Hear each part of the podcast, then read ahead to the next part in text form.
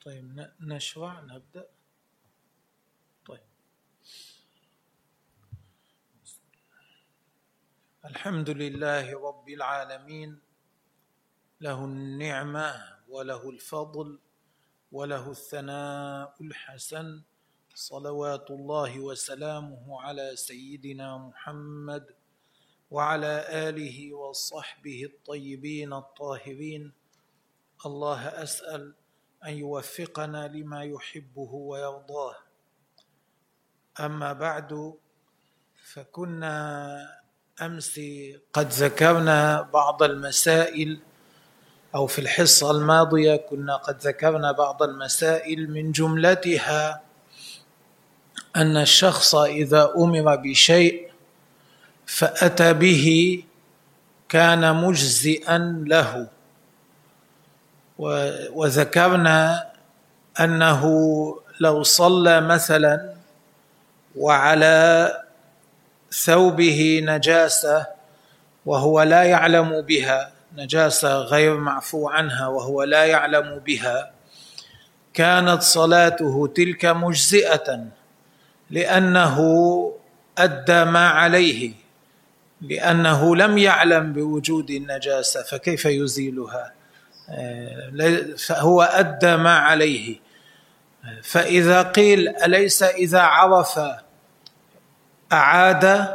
قلنا نعم لكن هذه الإعادة لأمر آخر لأنه جاء أمر آخر في الشرع أنه يعيد. وقلنا أمس أيضا أو في الدرس الماضي إن الصبي غير مخاطب بالأوامر والنواهي وكذلك المجنون وكذلك الساهي. اليوم إن شاء الله نكمل الكلام ونتكلم عن الكافر.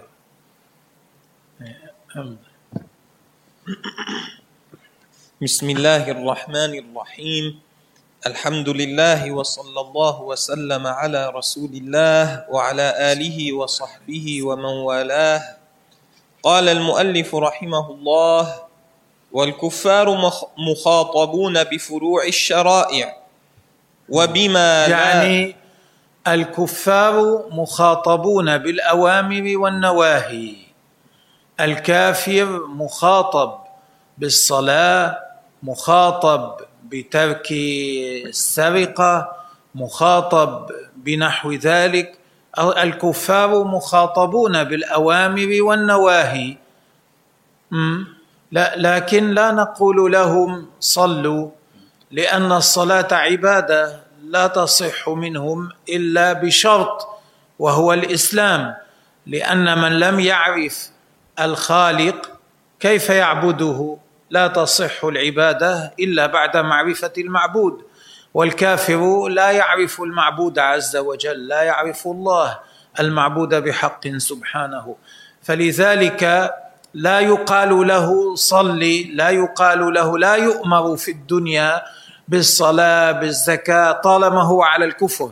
لكنه في الشرع مخاطب بالصلاة مخاطب بغير ذلك من المأمورات ومخاطب بغير بالمنهيات. والكفار مخاطبون بفروع الشرائع وبما لا تصح إلا به وهو الإسلام. لقوله تعالى ما سلككم في سقر؟ قالوا لم نك من المصلين. فالكافر مخاطب بفروع الشرائع بمعنى أن عليه أن يسلم ويفعلها. أن عليه أن يسلم ويأتي بالأوامر. عليه أن يسلم ويجتنب المنهيات. فالكافر مخاطب بها. يدل على ذلك قول الله فإذا قيل طيب ما الفائدة من خطابه بهذه الأوامر بالعبادات؟ وهو في الدنيا لا نطالبه بها. نحن لا نطالبه بها في الدنيا. ما الفائدة؟ الفائدة أنه يعاقب على تركها في الآخرة كما يعاقب على ترك الإيمان. لأنهم كانوا مأمورين أن يؤمنوا ثم يأتوا بالواجبات وينتهوا عن المنهيات. فلما تركوا الأمرين استحقوا العقاب في الآخرة على الأمرين على ترك الإيمان وعلى عدم فعل الواجبات واجتناب المحرمات ويدل على ما ذكرناه قول الله تبارك وتعالى ما سلككم في سقر معناه الكفار في الآخرة يسألون لأي شيء أنتم في نار جهنم؟ يعدون أمورا منها لم نكن من المصلين معناه ما كنا نؤدي الصلاة فإذا يعاقبون على ترك الصلاة كما يعاقبون على ترك الإيمان. وفائدة وفائدة وفائدة خطابهم بها عقابهم عليها. إذ لا تصح منهم حال الكفر لتوقفها على النية المتوقفة على الإسلام. ولا يؤاخذون بها بعد لا الإسلام. لا معناه لا تصح عبادتهم لأنه لا بد فيها من النية. والنية لا تصح منهم لأنه لا بد فيها من الإسلام وهم ليسوا مسلمين. فلا تصح عباداتهم في الدنيا. ولا يؤاخذون بها بعد الإسلام ترغيبا فيه. إيه، لكن إذا دخل الكافر في الإسلام لا يطالب بأن يقضي بأن يصلي يقضي ما فاته. من الصلوات والصيام وما شابه ذلك في كفره ويمحى عنه بإسلامه ذلك الإثم الذي كتب عليه بترك الصلوات وترك الصيام وما شابه ذلك كل ذلك ترغيبا له في الإسلام حتى يرغب في الإسلام لأنه يعلم أنه إذا أسلم محيت عنه ذنوبه التي قبل. والأمر بالشيء نهي عن ضده. آه. هذه ثم انتقل للكلام على قاعدة لذكر قاعدة. الأمر بالشيء نهي عن ضده. إذا أمر الشرع بشيء هذا الأمر نفسه هو نهي عن ضد هذا الشيء. الضد هو الذي لا يوجد مع ضده. هذا هو الضد. لا يوجدان معا. الضدان هما اللذان لا يوجدان معا. فاذا آه، الأمر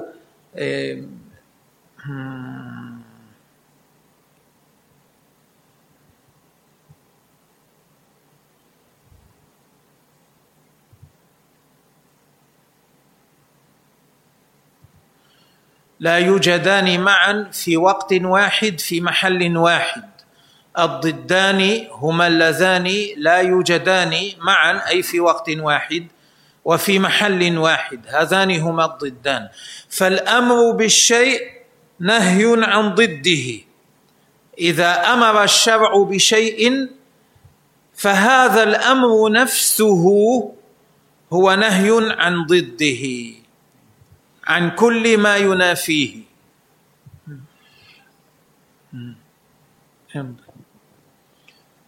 والنهي عن الشيء أمر بضده.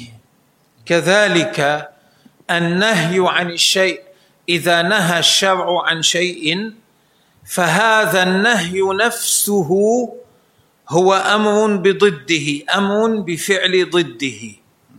إذا كان إذا أمر مثلا إذا جاء أمر بالحركة هذا معناه الأمر بالحركة هو نهي عن السكون. الأمر نفسه بالحركة هو نهي عن السكون.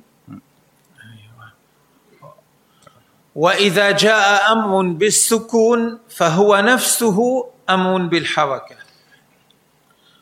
وإذا جاء نهي عن شيء فإما أن يكون لهذا الشيء ضد واحد أو أضداد مختلفة. مثال الضد الواحد الحركة ضدها السكون. فإذا جاء الأمر بعدم الحركة هذا الأمر نفسه معناه اسكن وإذا جاء النهي عن السكون هذا النهي نفسه معناه تحرك. أما إذا جاء النهي عن القيام مثلا فهذا معناه أمر بالجلوس أو بالاضطجاع أو بالنوم أو غير ذلك من أضداد القيام. بالاضطجاع على الجنب أو على الظهر أو على البطن أو غير ذلك من أضداد القيام. فإذا كان الشيء له أضداد مختلفة متعددة فالنهي عنه معناه أمر بأحد أضداده أمر بفعل أحد أضداده. بعد أن تكلم عن الأمر انتقل للتكلم عن النهي. فإذا قال له اسكن كان ناهيا له عن التحرك أو لا تتحرك كان آمرا له بالسكون. طيب النهي. والنهي استدعاء الترك بالقول من النهي طلب الترك. النهي طلب للترك. والن... والنهي. والنهي استدعاء الترك بالقول ممن هو دونه على سبيل الوجوب على وزان ما تقدم في حد الأمر. ويدل هذا عرف النهي بعكس ما عرف به الوجو... الأمر. كان قال إن الأمر هو طلب الفعل بالقول ممن هو دونه على سبيل الوجوب. عرف النهي بأنه طلب ترك الفعل بالقول ممن هو دونه على سبيل الوجوب أي بحيث لا يجوز له أن يفعل. لكن كنا قلنا بأنه لا يشترط أن يكون ممن هو دونه. وكذلك النهي القول القوي أنه لا يشترط أن يكون موجها إلى من هو دونه. فيكفي في النهي أن يكون أنه طلب لتعريفه يكفي أن يقال إنه طلب ترك الفعل بالقول على سبيل الوجوب أي بحيث لا يجوز له أن يفعله.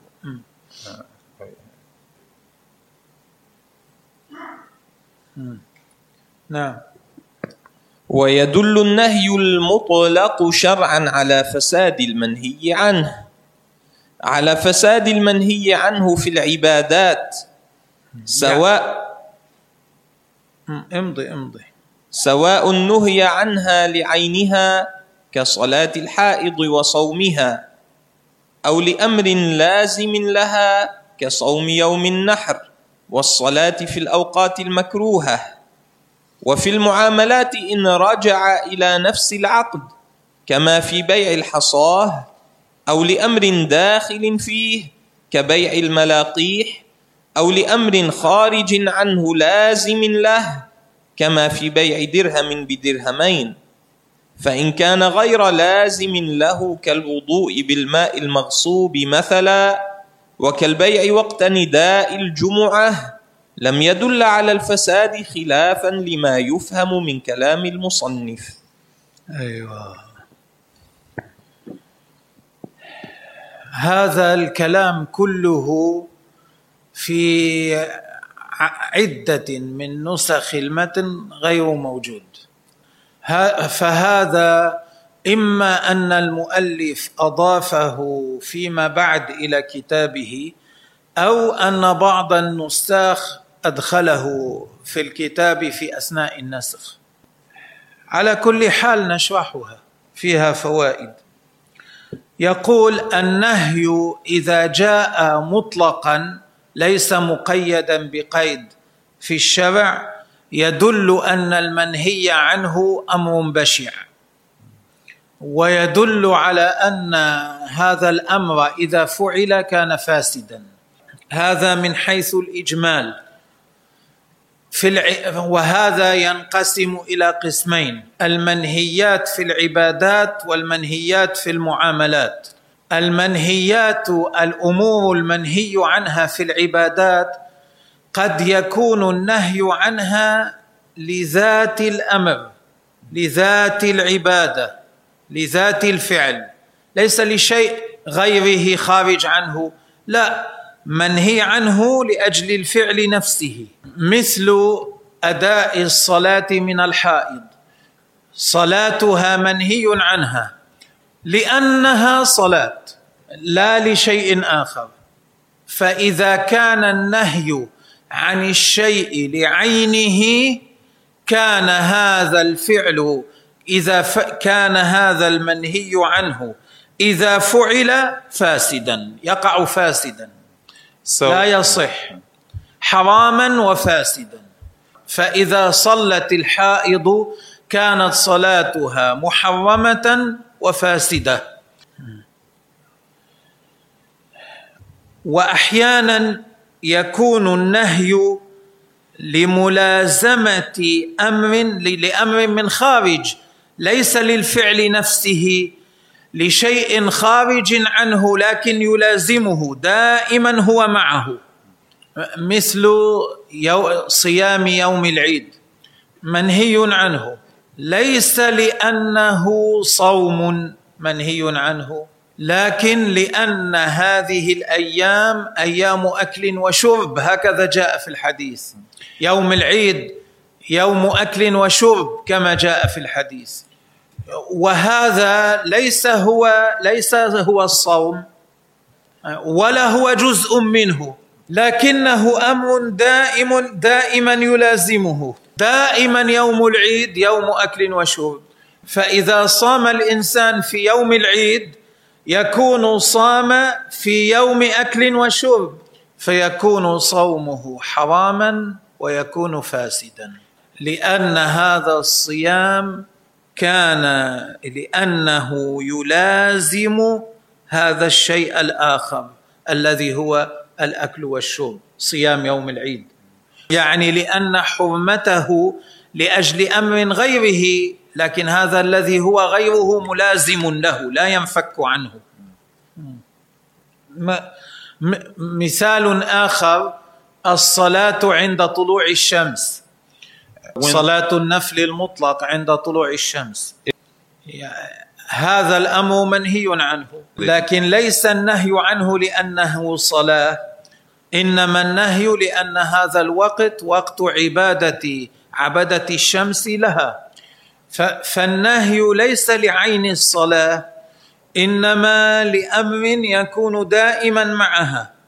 فيكون فعلها في هذا الوقت حراما وفاسدا. فمعنى ذلك الخلاصة أن النهي عن الأمر إذا النهي عن الفعل إذا كان لذات الفعل أو لأمر ملازم له النهي عن العبادة إذا كان لذات العبادة أو لأمر ملازم لها هذا يدل على أن هذه العبادة إذا فعلت تكون فاسدة وتكون حراما وأما في في المعاملات فإذا كان النهي لأجل العقد نفسه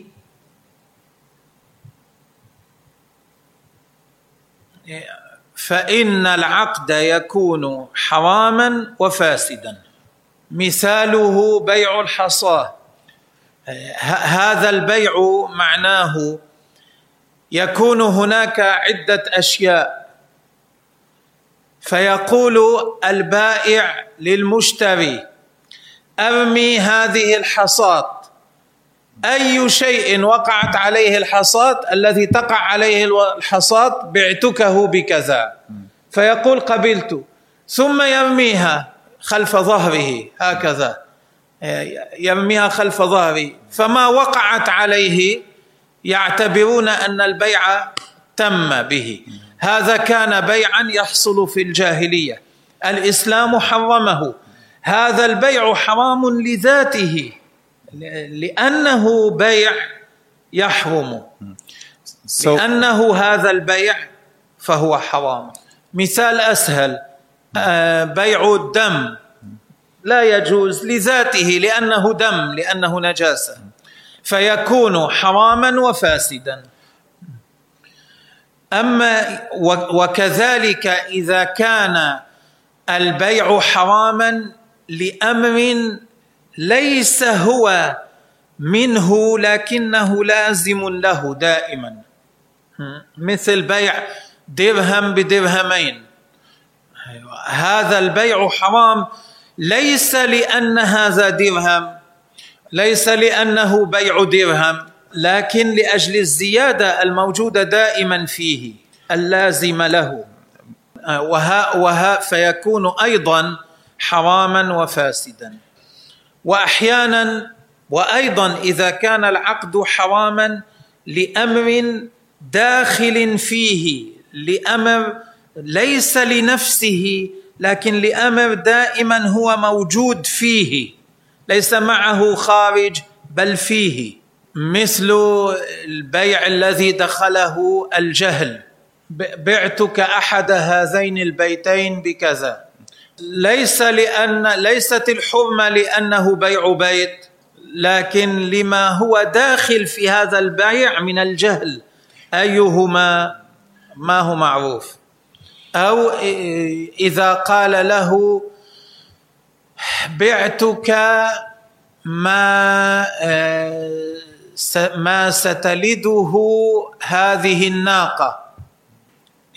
هذا ليس لأن الحرمة لأن بيع ولد الناقة لا يجوز. لكن لأنه لا يعلم يكون أو لا يكون ففي هذا البيع خطر يدفع المال ثم يكون ولد أو لا يكون لا يعلم. فهذا فيه شيء يسمى الغرر في عند الفقهاء. نعم هذا دائما موجود في العقد يلزمه. في هذه الحال أيضا العقد لا يصح ويكون يكون فاسدا ويحوم فإذا أردنا اختصار ما قلنا نقول إذا كان النهي عن الفعل لذات الفعل فإن هذا النهي يدل على الحرمة والفساد. يكون هذا الفعل فاسدا وحراما. وإذا كان النهي أيضا لأمر هو فيه أو لأمر خارج عنه لكن دائما يلزمه أيضا يكون هذا الفعل فاسدا وحراما قال رحمه الله وترد صيغة الأمر والمراد لا لا آه قرأته. إيه طيب.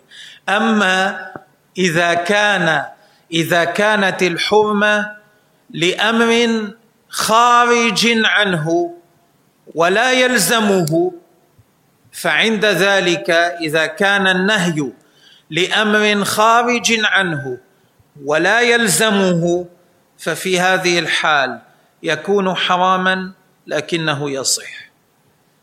مثلا الوضوء بالماء المغصوب.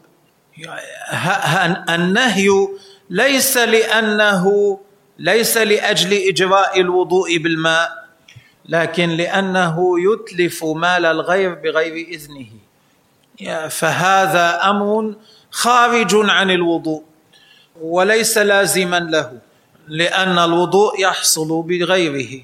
في هذه الحال إذا توضأ بالماء المغصوب أثم لكن صح وضوءه.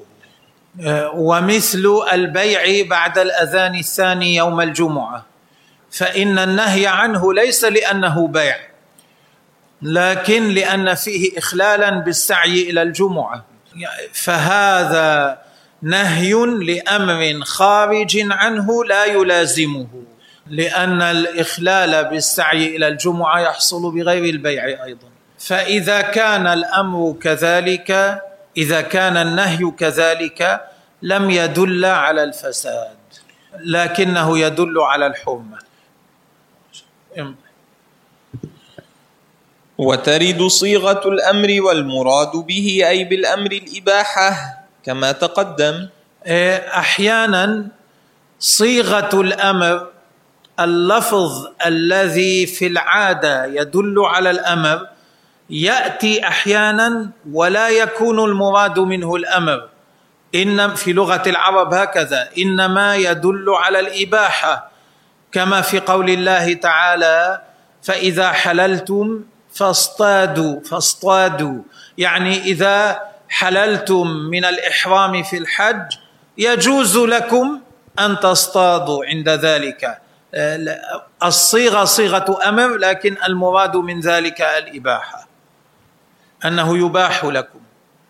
نعم. أو التهديد.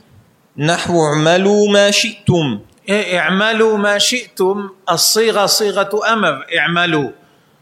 صيغة أمر لكن المقصود التهديد.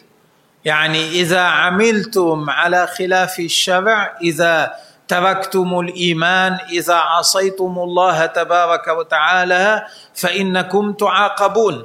فالصيغة وإن كانت صيغة صيغة أمر لكن المقصود التهديد بها. ليس الأمر بالفعل. أو التسوية نحو اصبروا أو لا تصبروا. إيه، أو التسوية يعني ما يدل على أن الأمرين سواء. ترد صيغة الأمر للدلالة على أن الفعل وعكسه سواء بمرتبة واحدة. لا فرق في في نتيجتهما. نتيجة الفعل ونتيجة عكسه أو أمر آخر سواء. أو التكوين نحو قرأت تصبروا أو لا تصبروا هذه الآية اصبروا أو لا تصبروا معناه في الحالين النتيجة سواء. نعم. أو التكوين نحو كونوا قردة. أحيانا صيغة الأمر تدل على التكوين أيضا. يعني تدل على أن الأمر صار على حال كذا. مثل كونوا قردة. ذكرنا هذا المثال في الدروس الماضية. ليس معناه أمر لهم أن يفعلوا فعلا يصيرون به قردة. إنما المعنى أن صيروا قردة. صيروا قرده أي صاروا قرده بهذا يكون أنهى الكلام على الأمر والنهي.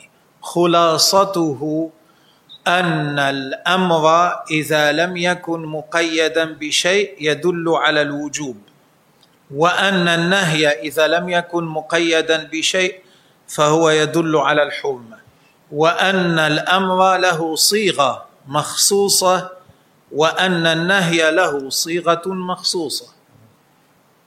ثم الأمر له صيغة مخصوصة والنهي له صيغة مخصوصة. وأن الأمر بالشيء هو نفسه نهي عن ضده.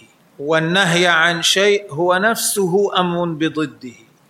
وأن الأمر إذا فعله الإنسان على ما أمر به سقط عنه العهده برئ من العهده وأجزأه الفعل. وأن النهي عن الشيء إذا كان لذات الشيء أو لأمر داخل فيه جزء منه أو لأمر خارج عنه لكنه ملازم له يدل على الحرمة وعلى الفساد. أما إذا كان لأمر خارج عنه غير ملازم له فهذا يدل على الحرمة لكن لا يدل على الفساد. بارك الله فيكم. هذا خلاصة الكلام عن الأمر والنهي.